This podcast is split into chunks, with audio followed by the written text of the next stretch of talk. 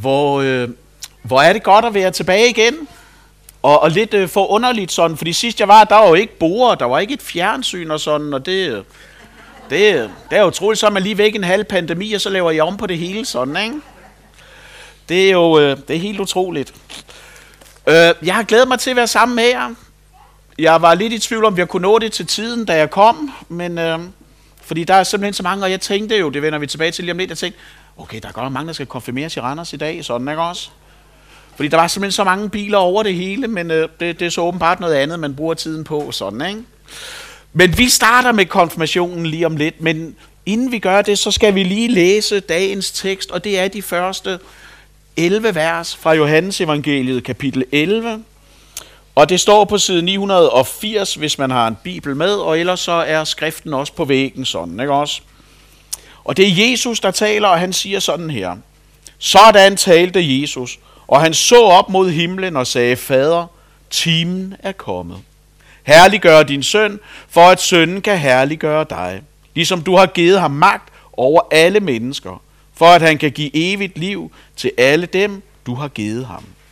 Og dette er det evige liv, at de kender dig, den eneste sande Gud og ham, du har udsendt, Jesus Kristus. Jeg har herliggjort dig på jorden ved at fuldføre den gerning, du har givet mig at gøre. Fader, herliggør mig nu med den herlighed, jeg havde hos dig, før verden var til. Jeg har åbenbaret dit navn for de mennesker, du gav mig fra verden. De var dine, og du gav dem til mig, og de har holdt fast ved dit ord.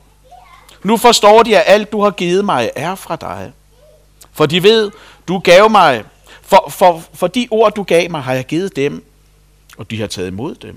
Og de har i sandhed forstået, at jeg har udgået fra dig, og de er kommet til tro på, at det er dig, der har udsendt mig. Jeg beder for dem. Ikke for verden beder jeg, men for dem, du har givet mig. For de er dine, og alt er dit, og dit er mit. Og jeg er herliggjort i dem. Jeg er ikke længere i verden, men de er i verden, og jeg kommer til dig. Hellige Fader, hold dem fast ved dit navn, det du har givet mig, for at de kan være et, ligesom vi. Det er Guds ord. Amen. Lad os øh, fortsætte med at bede sammen. Kære Gud og Far i himlen, nu beder vi dig om, at du må komme og gøre de her ord forståelige for os. Jesus, vi beder dig om, at du må komme med din ånd, så vi forstår, hvem du er, og ser, hvad det er, du har gjort for os. Og Jesus, vi, der er ingen af os, der er kommet herind fra et vakuum. Vi har alle sammen båret noget med. Der er noget, vi er fyldt af. Noget, vi er optaget af. Noget, der rumsterer i vores sind og vores tanker. Og jeg beder dig sådan om, at du nu må komme og give os din fred. Så vi kan sidde og tage imod det, som vi ved er nødvendigt. Det, som vi har brug for, og det, som kun du kan give os. Kom og vær os nær, Herre. Amen. Se, øh, nu ved jeg ikke, hvordan I har det med konfirmationer heroppe i Randers, om det er, om det er noget, I gør det i. Har der været konfirmation i år heroppe? Nej, nej, nej. Det kommer næste år, fordi Jeppe, du har en, der skal konfirmeres næste år. Hun skal med på lejr. Hun kommer, med til at holde, hun kommer til at holde med OB, inden lejrene de er færdige, det lover jeg. Det bliver godt til dig. Det bliver rigtig godt til dig, tror jeg sådan, ikke også? Men vi havde konfirmation i Silkeborg sidste lørdag. Fordi vi er så nogen, der holder konfirmationer om lørdagen, så kan man rejse til i god ro og mag om fredagen, og man skal ikke skynde sig hjem, fordi der også er søndag bagefter.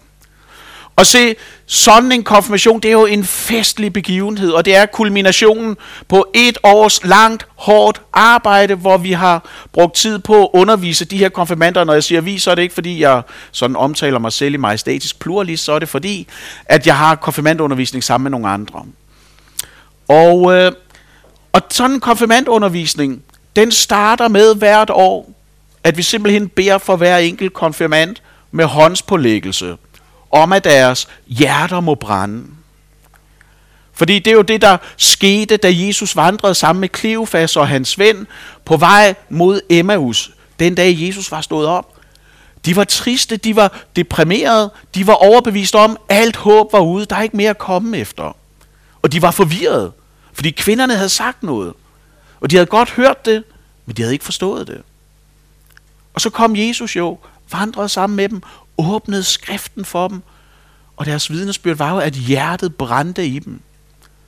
Og det er jo det, som vi gerne vil, at vores konfirmander får lov til at opleve, at vi åbner Bibelen, at de ser Jesus, så hjerterne brænder i dem, og vi, vi beder om det med håndspålæggelse, når vi starter, sådan at når vi slutter med en kæmpe fest, så er det ikke bare et ja, der bliver sagt med munden, men forhåbentlig også med hjertet. Og så slog det mig. Det er jo ikke bare konfirmanderne, vi har den opgave med. Men det handler om, at vi alle sammen siger ja med hjertet. Ikke bare med munden. Fordi vi har fået lov til at se Jesus. Fordi det, der var prædiket, havde i gudstjeneste heroppe sidste søndag. Prædiker man over søndagens tekst? Nej? Nå? Nå, men det jeg sagde sidste, sidste lørdag, det var, nej, prøv at høre, det er bare fordi, det, det, det hænger ret godt sammen nemlig, fordi sidste søndag, lørdag, der var prædiketeksten nemlig også fra Johannes evangeliet, hvor Jesus siger, hvis sønnen får gjort jer fri, skal I være virkelig frie. Og Jesus siger jo det her hvis to gange, som en understregning af, at det er jo ikke sikkert, at Jesus får gjort os fri. Og det er jo ikke fordi, han mangler muligheder, magt, kærlighed, men måske fordi, at vi ikke vil slippes fri. Og man kan så spekulere på, hvordan ser den her bibelske frihed ud, som Jesus taler om? Jo, jeg tror, den ligner en åben bibel. Jeg tror jo, at den frihed, Jesus vil give, det handler om, at vi indoptager Guds ord. Fordi den, der indoptager Guds ord, skal hverken sulte eller tørste. Fordi Jesus er nok. Og så kommer vi til eksamen her, ikke også? Fordi jeg har fået at vide, at man vil gerne have hverdagsnær relevant forkyndelse. Og jeg tænker, det de unge laver lige nu, det er jo, at de går til eksamen. Er det ikke rigtigt? Så nu, nu kobler vi gudstjeneste og hverdag sammen ved at lave en eksamen sådan, ikke også? Og jeg vil bare sige, alle er dumpet indtil nu. Det var noget, der gik op for mig netop den dag, jeg talte i Silkeborg om det her med, at Jesus er livets brød. Hvor jeg stillede dem et spørgsmål, og de dumpede. Det er simpelthen flot at sige, men de dumpede. Og så tænkte jeg, det er nok bare Silkeborg, ikke også? Altså, der, der er mange ting, man kan undskylde dem med. Så den sidste to uger, der har jeg prædiket i Aulum IM. Der er ikke noget at sige til, de dumpede sådan, ikke også? Og så, øh, og så har jeg talt i Åben Rå LM og i Arskirkens LMU. Og øh, de dumpede alle sammen, så nu vil jeg bare sige, LM's ære, det hænger på jer. I skal ikke føle noget pres. Det hænger bare på jer sådan, ikke også? Fordi det her, det er et spørgsmål, der blev stillet i fastetiden. Og øh, nu skal jeg lige spørge, fordi Ars LMU, de vidste ikke rigtig helt, hvad faste var. I ved godt, hvad faste er sådan, ikke også? Det er I med på, ikke også? Nej, ungdom er jo ikke, hvad den har været sådan. Men, men prøv at høre. Jeg har lært ude på Solgården, at når man stiller et spørgsmål til Young Praise, sådan, når man stiller spørgsmål i plenum, så hvis man vil svare ja, så skal man klappe. Så nu skal vi lige prøve, nu skal vi lige prøve det af sådan. Hvis jeg stiller spørgsmålet om lidt, og I svarer ja, hvad gør man så? Ja, ja, ja, ja, ja. Så længe det ikke er i takt, så er det fint nok, så kan vi godt leve med det i LM sådan. Okay, nu kommer spørgsmålet, ikke også? Hvor mange af jer fastede i fasten, hvor I sagde nej til noget, for at give Gud mere plads? Uff, det var godt. Det, der, der er ingen andre, der har klappet, når jeg har spurgt om det sådan, ikke også? Fordi det er jo lidt for underligt, fordi vi siger jo til hinanden, når det er fastetid, nu er det vigtigt, at vi prioriterer Jesus. Det er vigtigt, at vi giver ham plads. Det er vigtigt, at vi sætter noget til side, så vi kan give ham mere plads. Og der er ingen af os, der gør det. Rundt før jeg kom til Randers, så ikke også? Og det var så herover. det var ikke så meget jer, men det var herover, ikke også? Det var herover de klappede primært, og det er dejligt. fordi, fordi vi kan jo hurtigt komme derhen, hvor vi siger noget med vores mund, hvor hjertet ikke er med i det. Hvor vi minder hinanden om noget, der er vigtigt, men ikke rigtig vil prioritere det. Ikke sætte noget ind på det. Altså de her folk, der svømmer rundt nede i kanalen, eller åen, eller havet, floden, hvad I nu kalder det hernede, sådan, ikke også? For at nå dertil, hvor de er i dag, så har de jo sat noget til side, for at kunne komme hertil. Og det jeg oplever indimellem, det er jo, at vi kan godt bekræfte hinanden i, at det her med at læse Guds ord og holde fast i det, det er vigtigt. Og alligevel så er det som om, det glider, det smuldrer mellem fingrene på os. Så det jeg gerne vil sige noget om i dag, Det er dybest set en overbygning på sidste søndag, som I så ikke øh, havde herop. Om det her med, hvis sønnen får gjort jer fri. Og noget om, hvem er det egentlig, der holder fast. Og det skal vi se nærmere på nu, sådan, ikke også? Fordi der sker noget, tror jeg. At, at, at vi er under et massivt ydre pres, men jeg tror, at den største fare nogle gange, den kan jo komme indenfra. Fordi vi ikke altid får åbnet vores Bibel. Så det skal vi prøve at se på. Men vi skal først lige have sat scenen til vores tekst, fordi vi er jo efter påske, sådan rent fysisk her i foråret 2022 nu. Men vores tekst her er et uddrag fra skær torsdag nat, hvor Jesus han er reddet ind i Jerusalem om søndagen. Han har ryddet templet, smidt alle de handlende ud, stillet sig selv i offerdyrenes sted. Og så har han brugt nogle dage på at debattere med de jødiske ledere og har bare fået deres had til at eksplodere, til at vokse endnu mere, end det var i forvejen. Og så har han vasket disciplenes fødder, undervist dem om de sidste tider, undervist dem om Helligåndens komme, og nu er de så ude i haven. Kort efter han har indstiftet nadvåren. Og så er det jo, at vi får lov til at lytte til Jesus. Får lov til at høre, hvad er det, der er på hans hjerte, få timer inden han ved, at nu kommer døden og mishandlingen. Den er sådan set undervejs. Og Jesus bruger jo ikke tiden på at redde sig selv, men på at gøre sig selv klar. Der hvor frygten i ham, den er så stærk, at han sveder blod. Og jeg har jo ikke siddet ved mange menneskers dødsleje. Det har jeg faktisk, jeg har kun siddet ved et menneskes dødsleje, selvom jeg er virkelig gammel efterhånden, ikke også? Men jeg ved jo fra andre, der har mere erfaring i det med at sidde ved dødslejre, end jeg har, at når man er der, ved at, at nu ender, ender det her liv snart, nu er det ved at rende ud, så bliver både tiden, men også ordene kostbare.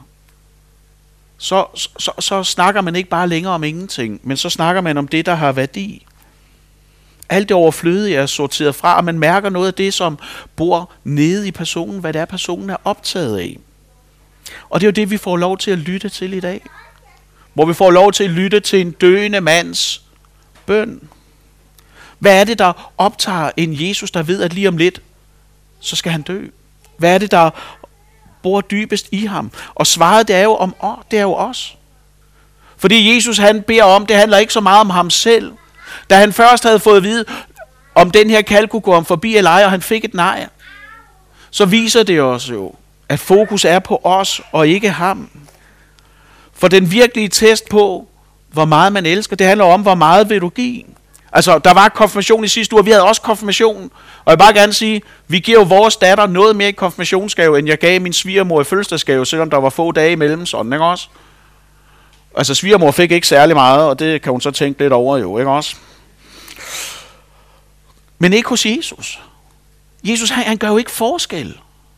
Jesus giver det samme til alle. Han gav sig selv for os, og inden han gjorde det, så hører vi om, at han beder for os.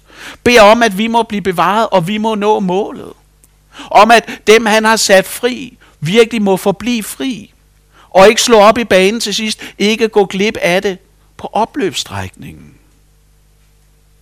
For vi kender jo alle sammen mennesker, der var med et langt stykke af vejen, og som pludselig i dag måske ikke vandrer med Gud. Hvor der var en god begyndelse, der var en god midte. Men da afslutningen skulle til at være, så gav de op. Så blev de lukket væk. Så var der noget andet, der fyldte. Men det er jo ikke fordi, at Jesus ikke har bedt for vedkommende. Fordi hvordan er det, at Jesus han vil sikre sig, at vi holder ud og når målet? Det er jo ved, at han har givet os Guds ord. Han har givet os ord fra ham, fordi Jesus siger, så er det gennem det her ord, at vi bliver frelst og sat fri. Når Johannes, der har skrevet den her bøn ned, skal forklare lidt senere øh, i kapitel 20, hvorfor er det, at jeg har skrevet det her evangelium, så siger han, det er fordi, at vi skal tro. Fordi når vi læser de her ord, når vi læser beretningerne om, hvad Jesus sagde og hvad han gjorde, så skal det kalde troen frem i os. Vi skal forvandles, og vi skal leve evigt, bevares. Og den sætning, der har ramt mig mest i forberedelsen til i dag, det er jo det, hvor der står i, i, i vers 6b der, de har holdt fast ved dit ord. For det, som Guds ord kan, det er jo ikke bare, at det kan kalde troen frem, men det kan også bevare os. Vores tro, det virkes og opholdes jo ved Guds ord. Og derfor er det afgørende, at vi suger næring fra Guds ord. Så vores hjerter er sat i brand, så vi ikke bare siger det med munden, men rent faktisk også siger det med hjertet. At der er forbindelse imellem vores sind og vores hjerte. At vi ikke bare tænker, vi ved godt, hvad Bibelen siger. Fordi vi kan meget hurtigt blive de bibelløse bibeltro. Og derfor kan vi godt prøve at leve et kristenliv med en lukket bibel. Og men udover at miste kontakten med Gud, så mister vi jo også forundringen. Vi mister fornemmelsen over, at Guds ord har relevans ind i mit liv, min nutid, min situation. Jeg tror jo, at nogle gange, så kan vi føle mere, end vi ved. Nogle gange så føler vi meget stærkt noget mere, end hvad vi ved. Altså siden jeg har været her sidst, så har jeg så begravet barn. Der føler man rigtig meget, og man glemmer måske det, man ved. Og hvordan er det, vi husker på det? Det er jo blandt andet ved at læse Guds ord. Hvis vi går til salmernes bog, et, et fast omkvæd igennem mange salmer, det er jo glem ikke Herrens velgærninger. Hvorfor er det, vi har brug for den påmindelse? Jo, det er, fordi vi kan nemt glemme det. Fordi der er så meget andet, der skyller ind over os. Der er så meget andet, der lærer sig hos os. Og så kan vi få sådan en form for åndelig solformørkelse. Hvor Jesus så at sige ikke er væk, men der er bare meget, der skygger for ham. Vi kan ikke se ham.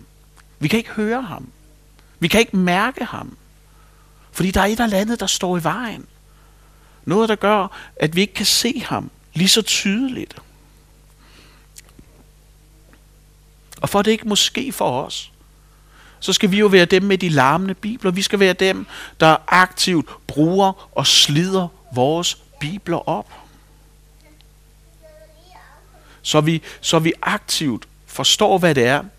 Hjemme i Silkeborg, der kender jeg nogle mennesker, der har råd til at bo nede ved vandet, altså meget tæt på vandet, sådan at de kan faktisk, altså hvis man går ud i læng, enden af deres have, så bliver man våd sådan, ikke også? Og jeg har spurgt dem ind imellem sådan, vender I jer nogensinde til udsigten? Altså nogle af dem, de bor ikke et sted, hvor der kommer færger og noget forbi. Altså der er, der er bare en and eller en svane eller sådan noget, ikke også? Og jeg spørger dem sådan, vender I jer til udsigten? Bliver det hverdag for jer? Og, og de siger alle sammen nej. Fordi, fordi at vandet er jo forskelligt, siger de. Det er aldrig ens. Så glæden er intakt. Og sådan kunne jeg jo godt ønske mig, at vi havde det med Guds ord. At vi ikke mister forundringen imod den. Eller over den. Fordi det er den bedste modgift imod åndelig anoreksi, og det bedste værn imod alle djævelens sniløb. Vi løfter troens skjold. Vi har åndens svær. Et af de billeder, Jesus selv bruger om Guds ord her i Johannes evangeliet, det er netop brød. Noget, vi skal indtage jævnligt for ikke at dø. Noget, som holder os i live, noget, som giver kraft, og noget, som hører hverdagen til. Og alligevel så oplever jeg indimellem, at noget af det, vi behandler Bibelen som, det er som om det er kage. Noget, vi kun har ved festlige lejligheder. Noget, vi kun bruger ved udvalgte situationer. Fordi det skal ikke fylde for meget. Og nu kommer jeg med sådan en, en, en, en ting, som, som vidderligt er, altså, jeg kører 130 ned ad memory lane, hvor jeg tænker, alt var bedre i gamle dage, sådan, ikke også? Men, men når vi har konfirmandundervisning, og det er jo så ikke jeres børn, så det kan jeg ikke følge jer truffet af sådan.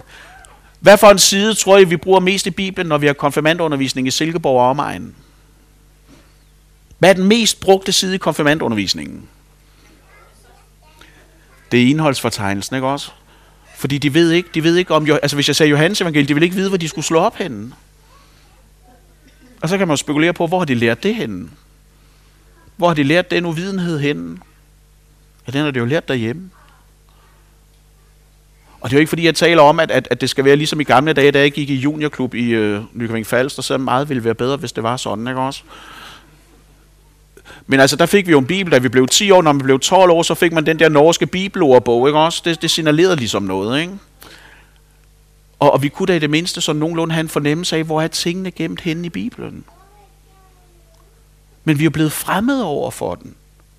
Og en ting er jo, at, at, at, at mange i min generation måske er blevet fremmed over for den, men vi giver det jo videre. Vi giver det jo videre til vores børn og børnebørn. Vi er ikke fortrolige med Guds ord. Det er noget, vi kan tage frem ved festlige lejligheder, som var det en kagemand, når der var fødselsdag. Og jeg tænker sådan lidt, hvordan er det, vi kan ændre det? Fordi hvis sønnen får gjort jer fri, så handler det om Guds ord. Det handler om, at Guds ord skal nå os, præge os, fylde os, udruste os. I gamle dage, der sagde man jo, at støv på din bibel er rust på din sjæl, og man kan have det lidt med det her udsagn, som man har det med hessian-tapeter, ikke også? Altså, noget, der engang var smart, men som nok ikke kommer igen. Men at ønske sig Gud med sit liv, det er jo det samme som at ønske sig et liv med en åben bibel. For troen vokser gennem ørerne og gennem vores øjne. Den vokser gennem indtagelsen af Guds ord. Og hvis det er svært for dig at gøre det selv, så involver en anden. Det her med at have gode, sunde, åndelige vaner, behøver jo ikke bare at være et soloprojekt. Der findes jo roklubber, løbeklubber, frimærkeklubber, brevdueforeninger og sådan noget, fordi at der er nogen, der gerne vil være sammen om det, der er vigtigt for dem. Måske skal I overveje, om der er noget, hvormed I kan gøre nogle ting, der gør, at man styrker bibellæsningen hos jer. For det er jo Bibelen, der viser mig, at Jesus han er frelser, og Jesus er Guds søn, som døde for mig, fordi jeg har brug for det. Den viser os jo, at religion kan ikke frelse. For Jesus han kom jo ikke for at gøre onde mennesker gode, men for at give liv til døde mennesker. Som jeg læste, en havde sagt det sådan, da, da hun blev omvendt i en sen alder. Jeg har været religiøs, indtil jeg fandt ud af, at der kun er én Gud, og det er ikke mig. Det havde taget den her kvinde over 70 år at nå til den erkendelse. Og derfor er det så afgørende, at vi holder fast i Guds ord. For uden den, så mister vi synet på det her. At Jesus måtte dø for mig, fordi jeg har brug for det. Vi har et skræmmende eksempel i det sidste brev, Paulus han skriver til Timotius, hvor han skriver, at han snart skal komme. Fordi noget af det, der, der volder Paulus smerte, noget af det, der udfordrer ham, det er jo, at Demas har forladt ham af kærlighed til den her verden. Demas var jo med i det kristne fællesskab og har underskrevet flere af de her breve, Paulus har skrevet Nye Testamenter. Og han fuldfører det ikke. Og det var ikke, fordi han ikke var i et miljø, hvor, hvor ordet ikke lød, hvor ordet ikke blev forkyndt, hvor der ikke blev bedt, men det blev bare ikke personligt. Det kom ikke på indersiden. Og havde det været på indersiden, hvor vi jo går ud fra, at det har, så kom der i hvert fald noget, der langsomt, men sikkert skubbede og pressede og trængte det her ord ud. Så der ikke længere var plads til Gud, men kun ham selv. Kærligheden til verden var blevet så stor, at det her brændende hjerte, det var gået ud. Det var slukket. Der var kun, der var kun død, isolation og ødelæggelse tilbage, og sådan må det jo ikke gå os. Paulus han skriver jo, at vi skal iføre os Guds fulde rustning i slutningen af Efeserbrevet, for at kunne holde stand mod djævelens sniløb, overvinde alt og bestå. Og uden Bibelen, så er vi jo bare sårbare og udsatte i den kamp, vi står i. Og, og der, hvor kampen raser lige nu, det er jo selvfølgelig på den åbne, offentlige scene om Bibelen som autoritet. Altså lige nu så snakker man jo abort, som, som man aldrig har snakket abort før. Og når vi siger, at liv er helligt, så gør vi det jo med Bibelen i hånden. Men der er meget få, der vil anerkende Bibelen som værende en autoritet. Fordi det, man ser Bibelen primært om, det er jo som en ramme, der, der lukker alle glæder ned. Hvis du lever dit bi- liv, som Bibelen siger, er der mange, der tænker, det er det samme som at transportere sig selv tilbage til middelalderen. Og leve der, fordi vi er formørkede, uoplyste, dumme, uintelligente, ukærlige, ignorante, og så alle mulige andre dårlige ord, sådan, ikke også? Fordi man har det svært med, at Bibelen skulle være en autoritet. Fordi vi har mistet fornemmelsen for det religiøse, selvom at vi taler identitetspolitik og miljøsager med, med religiøs sprog. Så har vi mistet fornemmelsen for, at der er noget, der kan være en autoritet inde i vores liv. Noget, som gør, at vi sætter grænser for os selv. Siger nej til ting, afstår fra ting. Og verden forstår det ikke. selvom den på samme tid følger modens, slankekurene, sundhedsanbefalingerne og andre ting, som folk frivilligt bøjer sig for og efterlever. Det er ikke fordi, at vi er autoritetsløse. Der er ikke nogen mennesker, der er autoritetsløse. Der er, vi har alle sammen noget, vi bøjer os for. Vi har alle sammen nogen, der må tale ind i vores liv med vægt.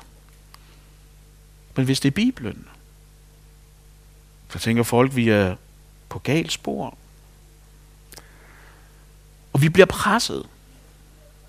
Og nogle gange så kan vi jo godt have fornemmelsen af, at den bibelske grundvold, vi står på, den nogle gange er ved at smuldre lidt. Som om den var bygget på sand. Ikke så stabilt. Og jeg vil bare gerne sige, at ja, det kan godt føles som om, at nogle gange, så er vores bibelske fundament lidt som sand. Men det er et synsbedrag. Vi kan føle mere, end vi ved. For når vi bygger på Guds ord, så bygger vi på klippen. Og så kan stormene rase, og vandet kan slå ind, og vi kan blive både våde og trætte og udmattet. Men vi bliver aldrig besejret. Vi kommer aldrig til at gå under. Lige nu så er verden jo i en krig, som vi aldrig troede, vi skulle opleve igen, fordi Rusland har invaderet Ukraine, og, og, og det fører en, en tsunami af ødelæggelse og, og, og katastrofale ringvirkninger med sig. Menneskeligt, økonomisk og alle mulige andre steder. Fordi vi havde vendet os til freden. Vi havde vendet os til, at tingene ikke var optimale, men tålige, især i vores del af verden. Og jeg vil bare gerne sige, at den kristne normaltilstand, så længe Jesus ikke er kommet igen, det er, at vi er i krig. Det er, at vi er i kamp. Det er bare ikke altid, vi har tænkt sådan om os selv. Men det er vi. At være i verden, men samtidig ikke være af den. Det er, at der er en kamp imod de magter og myndigheder, som er i og omkring os. Og kampen vindes jo ikke ved, at vi erobrer verden, men ved, at vi giver os hen for den, sådan som Kristus også gjorde det. Og det kan man kun der, hvor man holder fast i Guds ord. Det er kun ved at holde fast i Guds ord og være aktiv forbruger af det, at vi kan fastholde en bibelsk verdensforståelse. Fastholde vores syn på ægteskabet, seksualmoralen og alle de andre steder, hvor vi bliver presset lige nu. For eksempel om retten til liv. Og jeg oplever jo, at nogle gange, så kan vi næsten komme til at undervurdere, hvor stort et pres tidsånden øver mod os. Jeg kan jo godt, som, som en, der både sidder i LM's landstyrelse og også har et, øh, et vist ansvar for, for de ting, der sker i Silkeborg, kan jeg da godt indimellem synes, at nogle af vores teologiske, teologiske hegnspæl, de sidder godt nok efterhånden løst. Fordi der hele tiden bliver stillet det her spørgsmål, mund Gud har sagt? Eller mund Gud nu mener det sådan? Må ikke der er en anden måde, en anden vej, en bedre vej? Og jeg ved godt, at vi ikke skal være enige om alt. Men det lytter heller ikke, at vi er enige om noget forskelligt. Og derfor tror jeg jo, at den her bøn om, at vi alle må være et, det er en bøn, vi virkelig har brug for at bede i de her år. Fordi der kan komme så meget splittelse og splid og nid og alle andre dårlige ting, der følger med det ind. Hvor vi i virkeligheden bruger mere tid på at mistænkeliggøre hinanden. Stille spørgsmål ved motiver anfægte handlinger. Og selvfølgelig, altså jeg siger jo ikke, at vi skal an, an, an, godtage alt. Men nogle gange spekulerer jeg på, så nogle af de teologiske slagsmål, vi har, er de værd at tage? Eller tager de i virkeligheden fokus fra noget, der er mere vigtigt? For jeg tror ikke, vi har råd til at udkæmpe en borgerkrig, mens vi kæmper mod verden. Det har vi ikke. Og så vil jeg gerne sige noget andet nu som handler om en fejl, der har snedet sig ind i Bibelen sådan, og det er ikke en afgørende fejl, det er bare en væsentlig fejl, og ikke en fejl fra Guds side af sådan, men en som mennesker indsat. Fordi hvis I har jeres bibel stående åben stadigvæk, det er ikke med heroppe på skriften, så jeg er nødt til lige at kigge i jeres bibel, fordi hvis man lige lader øjnene glide sådan to centimeter op over kapitel 17, så er der nogen, der har skrevet, at det her er Jesus sidste bøn. Den ypperste præstlige bøn, som Søren Ole sagde lige før, det er rigtigt. Og jeg forstår også godt, hvad der menes. Men det passer jo ikke. Det ville jo kun have været sandt, hvis korset for alvor slog Jesus ihjel. Hvis døden havde fastholdt Jesus, men det gjorde den ikke. Han er opstået. Jesus lever, som vi lige har bekendt i vores trosbekendelse. Han sidder ved Gud, faders højre hånd. Og indtil det sker, indtil Jesus han kommer igen, så sidder han jo ikke og keder sig.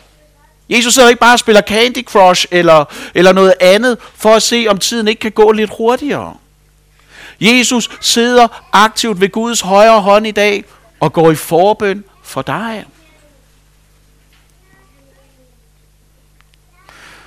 Bibelen er fuldstændig tindrende klar her, at så længe Jesus sidder ved Guds højre hånd, gør han det som en, der beder. Og det betyder, at den kamp, vi kæmper, hvor vi hele tiden kan synes, at vi bliver trukket, øh, eller tvunget tilbage, hvor vi mister mere og mere plads og terræn, der er vi der ikke alene.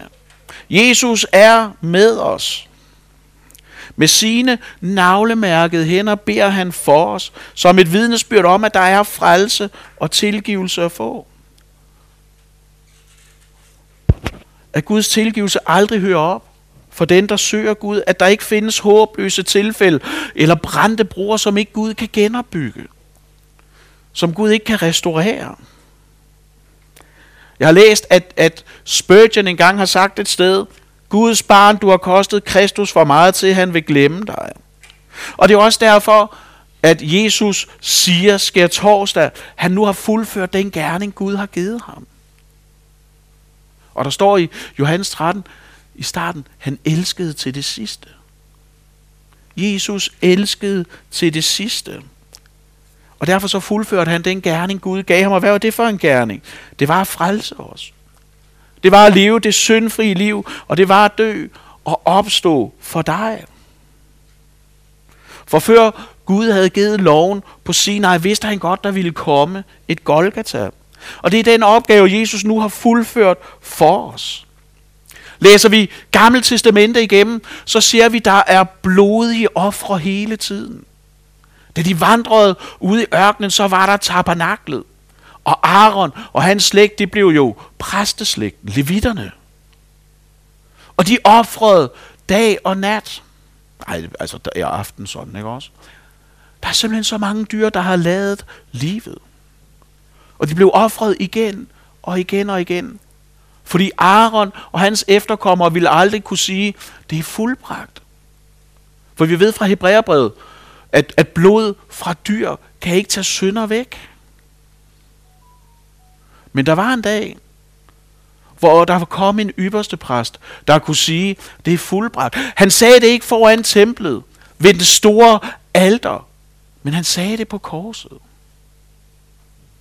Da han sagde til næste dig, det er fuldbragt. Det kunne Aaron aldrig sige, men Jesus har sagt det i dit sted. Det er den opgave, Jesus har fuldført for dig. Din frelse, det handler alene om, hvad Gud har gjort for dig i Kristus. For synd, det er jo et, et hjerteproblem. Det er ikke bare noget, du gør. Og du kan ikke hjertetransplantere dig selv, du ville dø. Synd er jo ikke bare hjertets blindtarm, som vi kan skære væk, og så lever man som ingenting var hent. Og derfor er det, at Bibelen taler om, at vi får et nyt hjerte i troen. Et helt hjerte. Givet til mig af Gud. Af ham, som alene af troens banebryder fuldender. Så hvis vi skal blive bevaret i den kamp, vi står i, så handler det om, at Gud holder fast. Troen er jo ikke noget, jeg skal lykkes med, eller fuldende selv. For hvis vi knytter forpligtelser til evangeliet, noget jeg skal gøre for at blive frelst, så taler vi ikke længere om, det evangelium, men så taler vi om en kontrakt. Og hvad er det, Jesus han siger i Johannes 10? Ingen river dem ud af min hånd. Når først Jesus har lukket sin navlemærkede hånd om dig, så er der ingen, der river dem ud af hans hånd. Som Paulus senere skulle sige, derfor er overvist om, at hverken engle, magte, myndighed eller andet kan skille os fra Guds kærlighed. For er Gud med os, hvem kan der være imod os? Og hvad er hele rationalet for den argumentation? Han sparede ikke sin egen søn, men han gav ham hen for os, gav ham hen for dig. Og det betyder jo, at du må få lov til at se dig selv som en, der er båret, holdt af Gud. Og vide, at han ikke giver slip. Og måden han bærer på, måden han fører dig til det evige liv, det er gennem sit ord. Det er gennem menighedens fællesskab. Det er gennem sakramenterne. Som Rosenius siger, når min kristendom ikke holder, så holder dog min Kristus. Så holder Jesus. Og han giver ikke slip. Og så skal vi til at lande den her bred, kan jeg godt se sådan, ikke også? Jeg vil bare lige minde om til sidst, at Jesus har al magt i verden. Selv da Jesus var mest udsat på korset, der havde han magt til frelse, og derfor siger han til den her røver, der bad om en tanke, men fik et paradis, at han skal være med ham. Fordi han er den stærkeste. Selv der, hvor livet for alvor var ved at rende ud, der var han stadigvæk ikke magtesløs. Og det betyder, at Gud for os, hvem kan der være imod os? Ja, det er der mange, der vil være.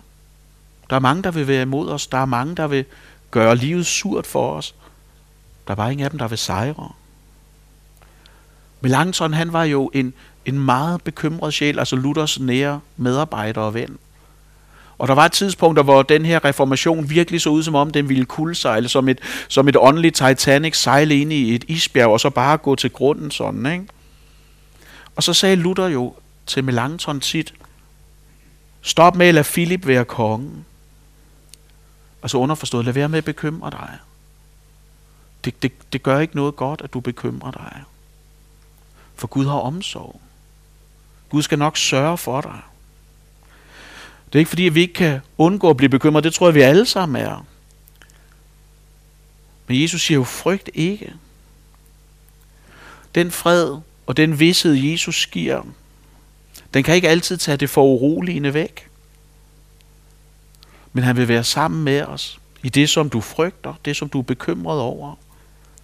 For hensigten med, at Jesus har fået al magt, det er, at han skal give evigt liv.